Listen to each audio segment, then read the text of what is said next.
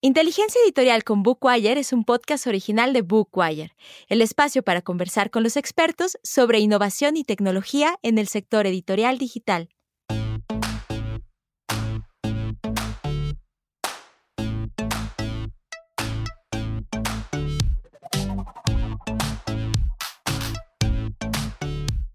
Bienvenidos, bienvenidas a Inteligencia Editorial con Bookwire. Este es un podcast original de Bookwire, creado en colaboración entre nuestras oficinas de habla hispana.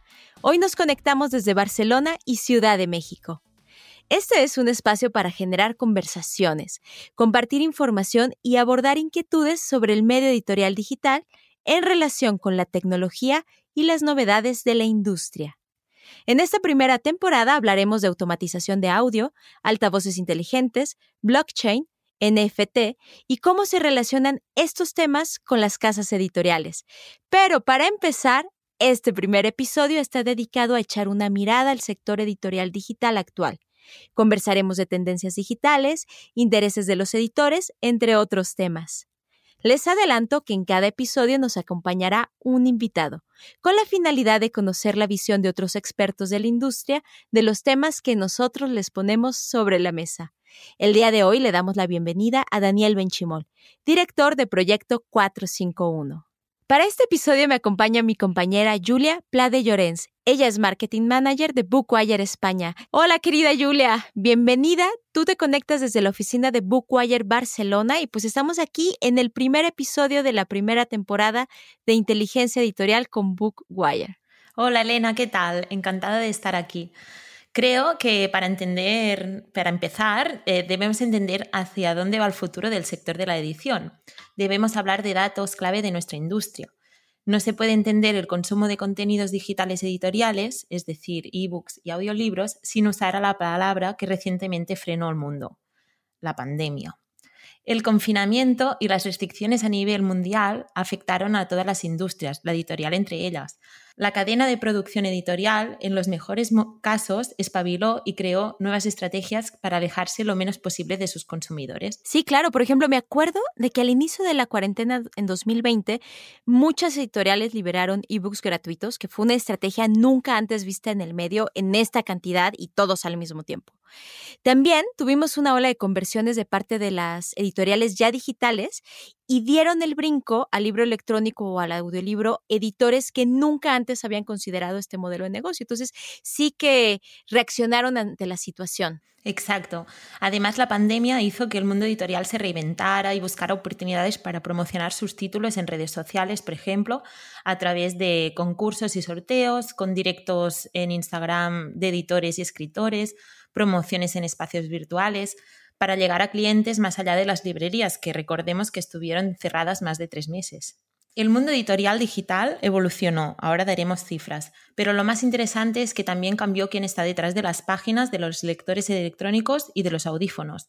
2020 fue un año en el que especialmente los hábitos de descubrimiento y consumo de contenidos acercaron a nuestros usuarios al consumo digital. El crecimiento se ve en los números de venta de ebooks y audiolibros. En 2018, el crecimiento interanual fue del 57%.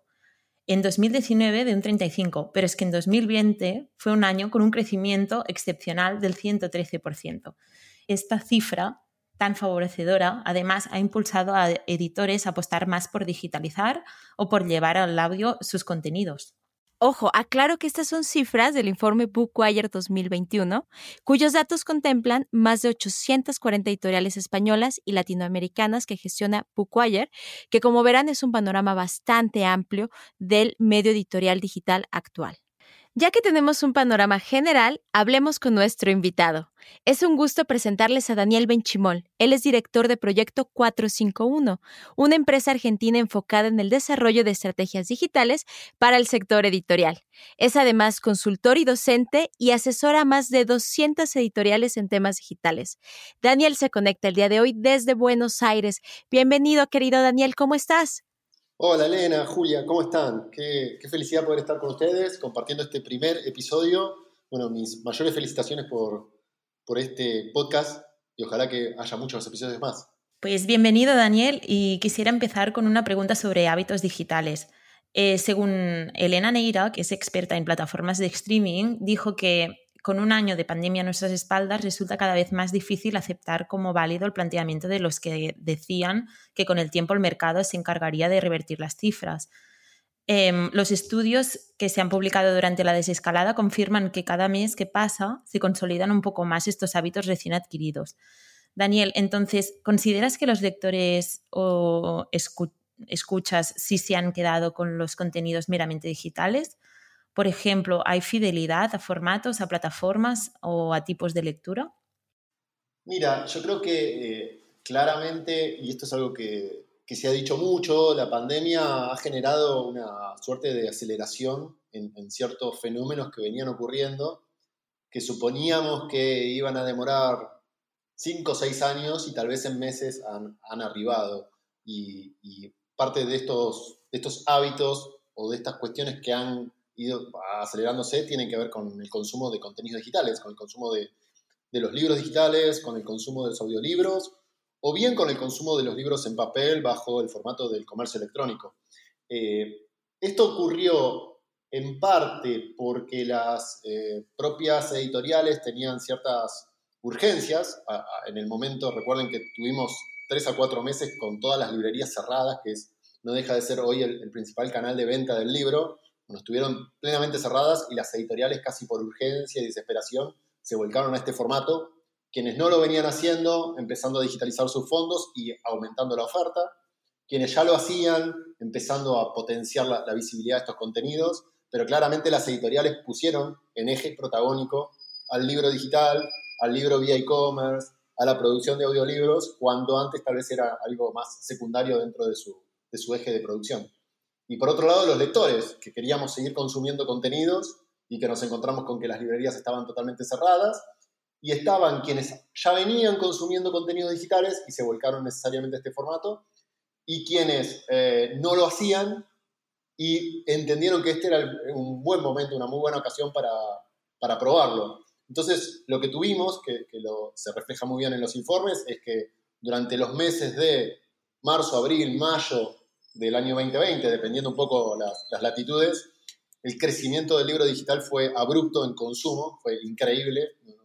Creo que nunca tuvimos en, en 10, 12 años de historia del libro digital en español un, crecimiento tan gigante y que después este crecimiento no, no siguió siendo tan elevado, obviamente no, no, no, es posible sostener una tasa tan fuerte, pero nunca volvió al punto anterior a la pandemia. Creo que ahí está como el punto más, más rico son lectores que en definitiva se ganaron, es un mercado que se ganó y que se consolidó.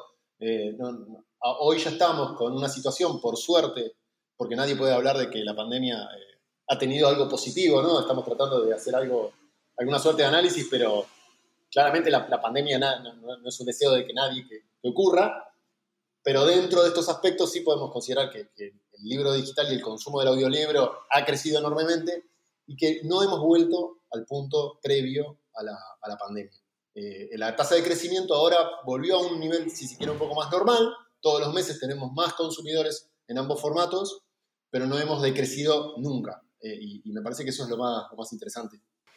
Claro, podemos recordar el, el 113% de crecimiento del 2020 con respecto al 2019 que ya mencionamos, ¿no? Que, que está en el informe Bookwire del 2020. Y sí, como dices, no, no estamos yendo hacia atrás, estamos ya como muy bien posicionados en tanto a hábitos y a fidelidad, que es lo que nos preguntaba Julia. Y retomando esto, Daniel, quisiera hablar ahora de tendencias en el consumo digital porque tú ya lo pusiste sobre la mesa. Ya comentamos el crecimiento del negocio digital en el 2020, que es una... El 2021 continuamos, eh, tú nos dices las cifras, pues es muy difícil replicarlas del año pandémico, pero no hemos bajado eh, no hemos retrocedido, ¿no? Que esto es importante.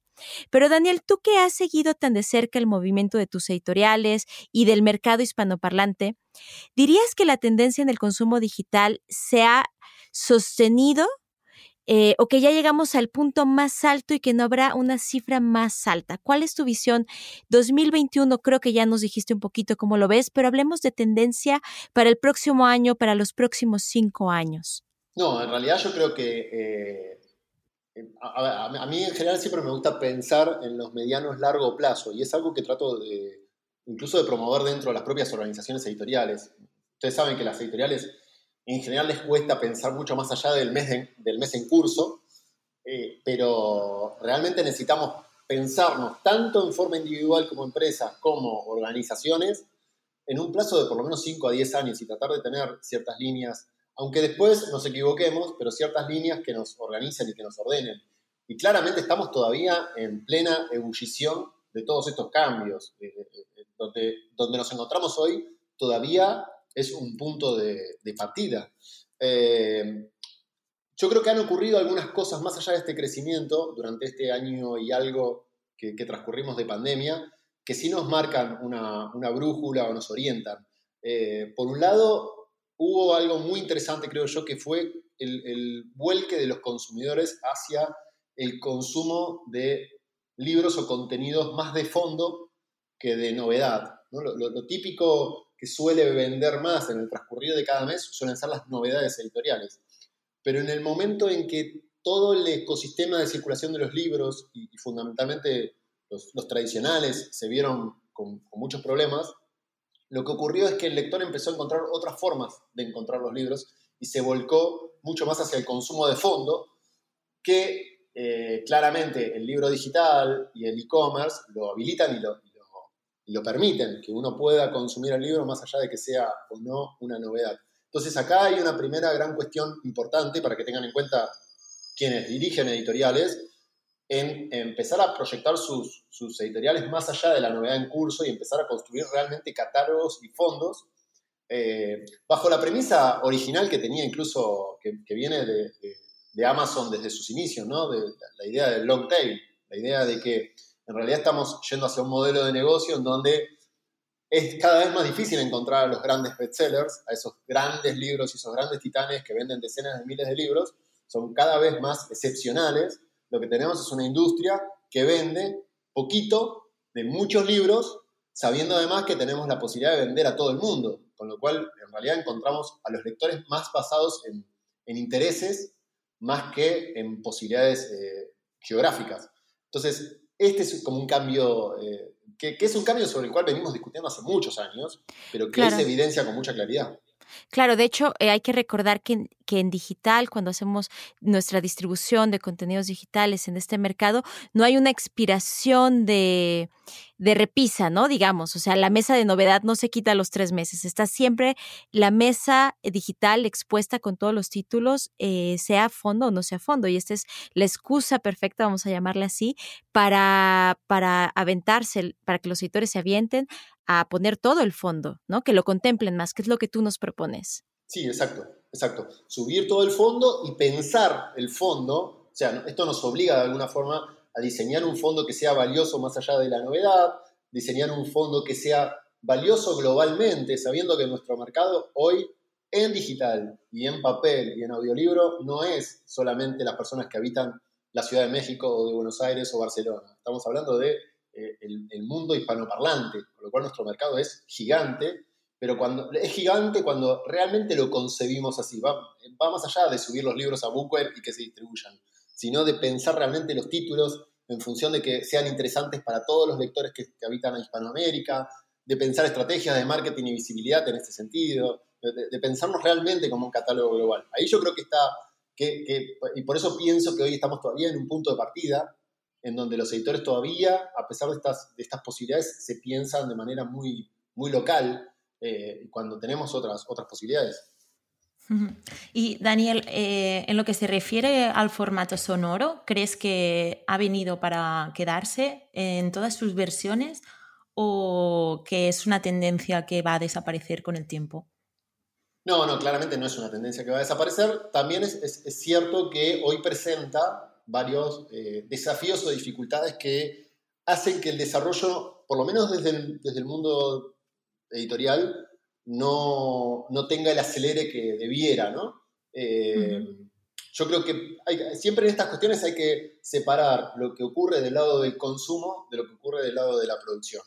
Claramente hay un usuario que está volcado al consumo de formatos audio, que esto año a año se ha ido incrementando notablemente. Eh, esto va tanto en el formato audiolibro como en el formato de podcast. Eh, el, el, formato de audio eh, tenía sus argumentaciones cuando no estábamos en pandemia, después tuvo otras argumentaciones cuando estábamos en pandemia, y me refiero a que en general se lo atribuía más a un consumo eh, relacionado con los tiempos y, los tiempos de transporte, los tiempos de viaje, los tiempos de espera y como las ciudades nos llevaban un poco a esta dinámica, bueno, el consumo de audio parecía que era un formato increíble para esto. Eh, después vino la pandemia y todos nos encerramos en nuestras casas, pero la pandemia, el, audiolibro y el podcast empezó a encontrar otras argumentaciones que tenían que ver también con el, con el desconectarnos de las pantallas, con el tener un momento de, de relajo, de consumir contenidos de otra forma. Sí, sí, de hecho es que como que replanteó esta idea que teníamos de el audio es para ciertos espacios y momentos. Yo no he escuchado tanto audio como en la pandemia, post-pandemia y lo que yo le llamo ahora cuasi pandemia. Y son nuevos hábitos muy a favor de estos formatos sonoros y yo creo que aquí hay una gran ventana de oportunidad editorial. ¿Tú, ¿tú qué eh, eh, opinas, Daniel?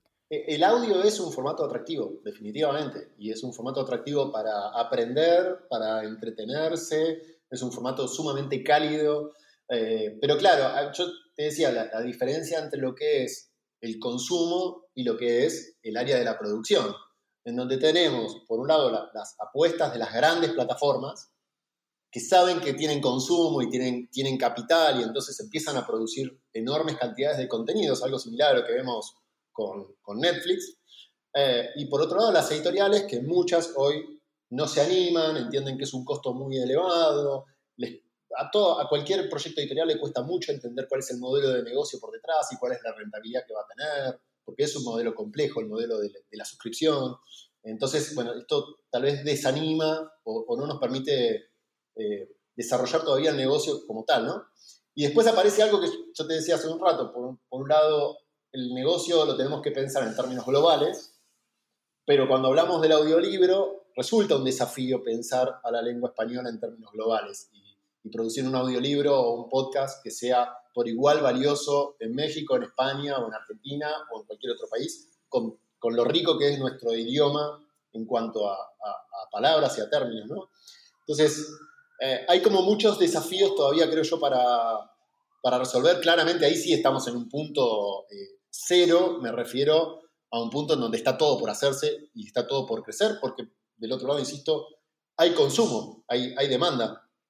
Eh, a mí siempre me gusta pensar en, qué problema tiene Netflix hoy para, para hacer siempre una... que, es difícil de, no salir nunca, de, no, estar, no, estar, comparándonos con, con esta plataforma, ¿no?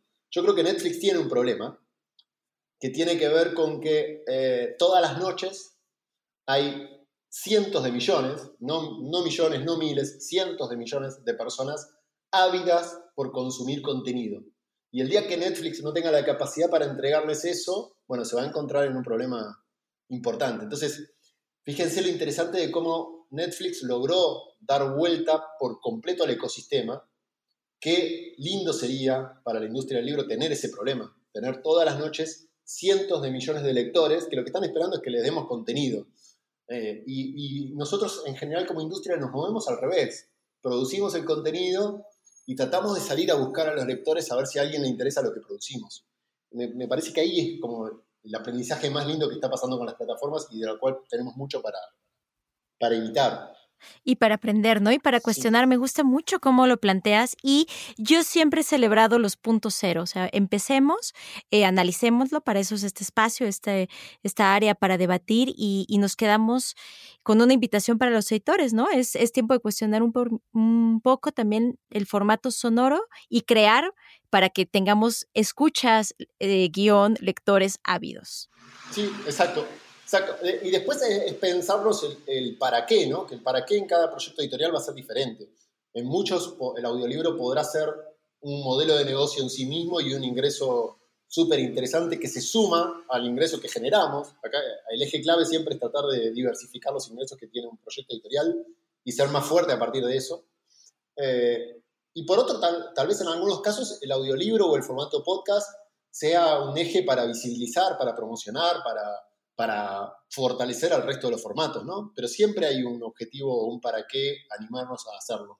Daniel, cambiando un poco de tema, vayamos a hablar de suscripción, que ya lo mencionaste. Desde hace un par de años hemos visto una tendencia de crecimiento de los canales de suscripción de este modelo muy específico para el libro electrónico, que han ganado lenta pero sostenidamente el terreno a la venta unitaria, que es actualmente, ya lo sabemos, la venta unitaria o el down to own es el principal modelo de comercialización del ebook. Quiero pensar en nuevas formas de comercialización del libro electrónico entonces. ¿Tú cómo te imaginas que serán los modelos de consumo del libro electrónico en un futuro cercano, a mediano plazo, como te gusta pensar?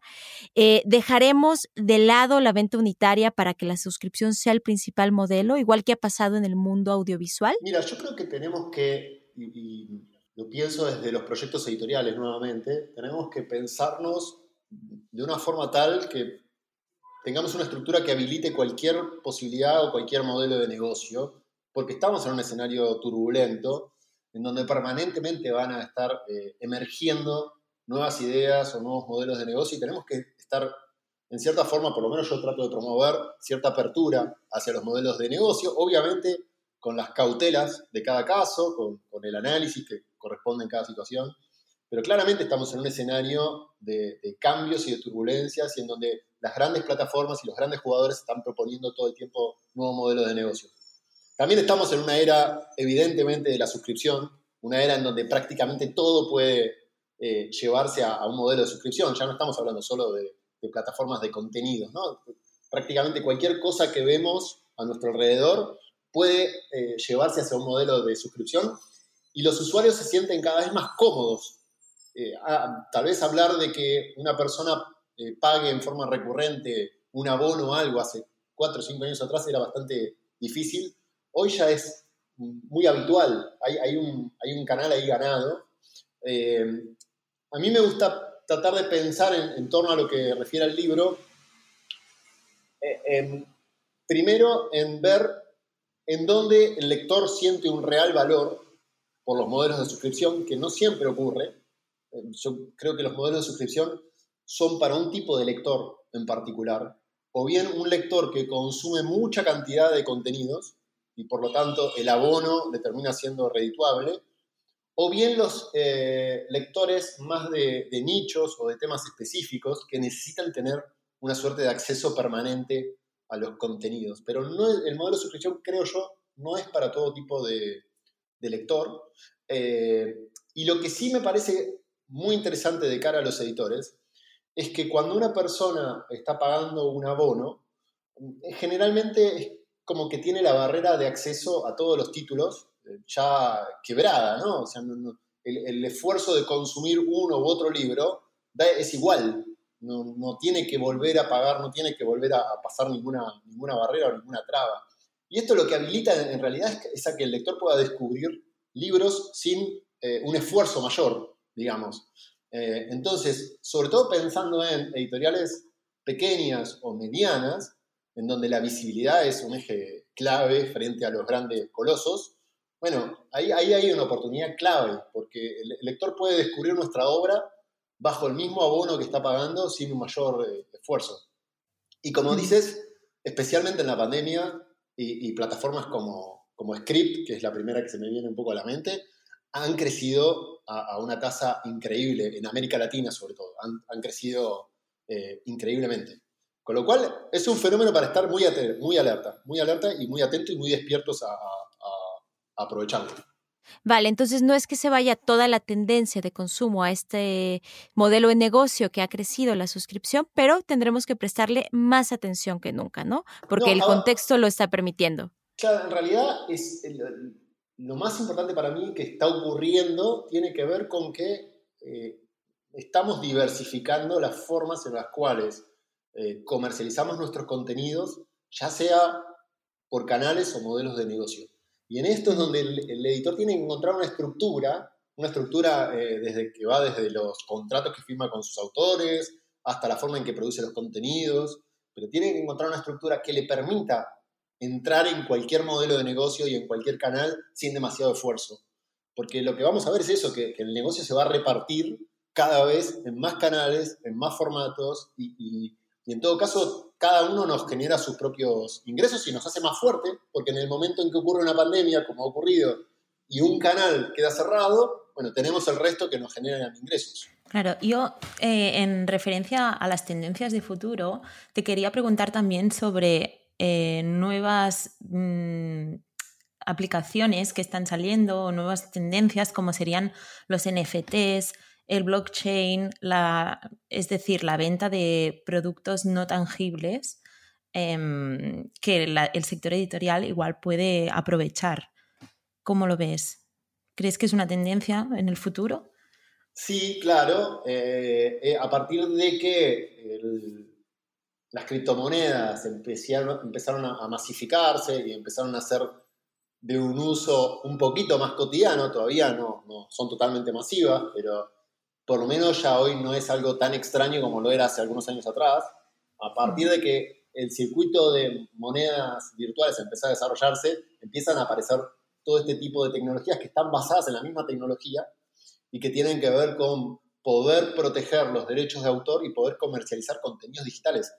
Algo que ha sido desde los orígenes del libro digital uno de los grandes interrogantes, porque yo creo que eh, si hay todavía un temor de los editores para apostar por el libro digital, tiene que ver con la piratería y tiene que ver con, si se quiere, lo, lo endeble que son los sistemas de protección del libro digital y, entonces el temor de que si yo desarrollo mi, canal de libros digitales, bueno, probablemente esté fomentando la piratería. Este gran temor y esta gran preocupación que ha recorrido toda la historia del libro digital, hoy viene a tener una suerte de respuesta con estas tecnologías. Una suerte de respuesta de algo que nos permite hacer que los libros digitales y los contenidos digitales sean mucho más seguros, porque si lo son para eh, transaccionar monedas, lo son también para compartir y vender contenidos eh, digitales. Eh, entonces, hay una, hay una interesante respuesta hacia la, hacia la piratería de parte de las plataformas y de parte de la tecnología.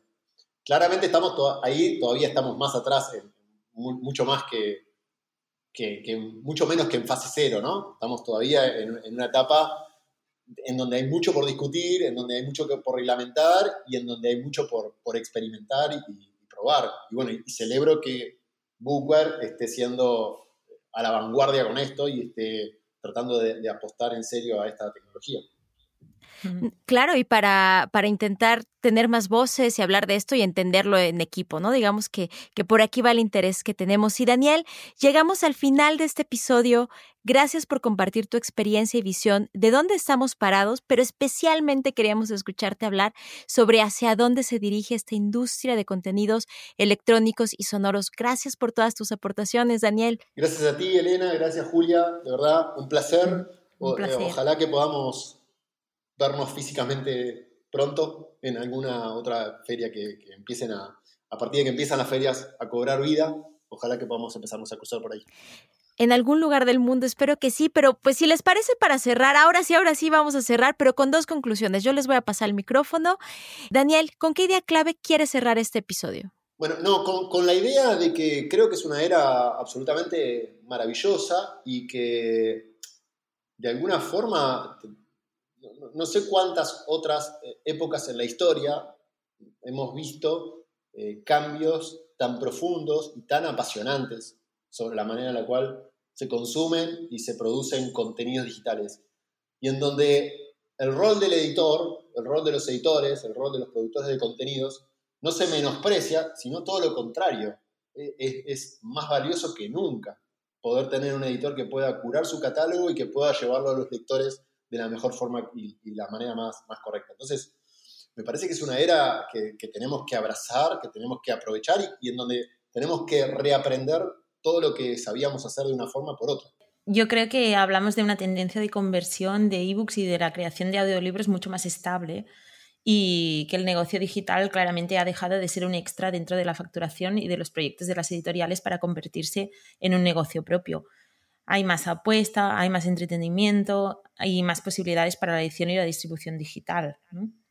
Sí, claro, y no podría estar más de acuerdo con, con, ustedes dos. Muchas gracias de nuevo. Y bueno, por cierto, si les interesa leer el informe Evolución del Mercado Digital, ebooks, audiolibro y podcast de Bookwire, lo pueden descargar en 212.com, con quienes colaboramos en esta investigación, o directamente en la web de Bookwire. Ahí hay todavía más información sobre los temas que hemos planteado el día de hoy. Gracias por acompañarnos. Nos escuchamos en el siguiente episodio de Inteligencia Editorial con Bookwire. Este es un podcast original de Bookwire producido en Harpa Studio. Inteligencia Editorial con Bookwire es el espacio para conversar con los expertos sobre innovación y tecnología en el sector editorial digital. Dirigido por Fernando Monroy. Diseño de audio y mezcla, Nico Rojas. Anfitrionas de Bookwire, Julia Plade Llorens y Elena Bazán.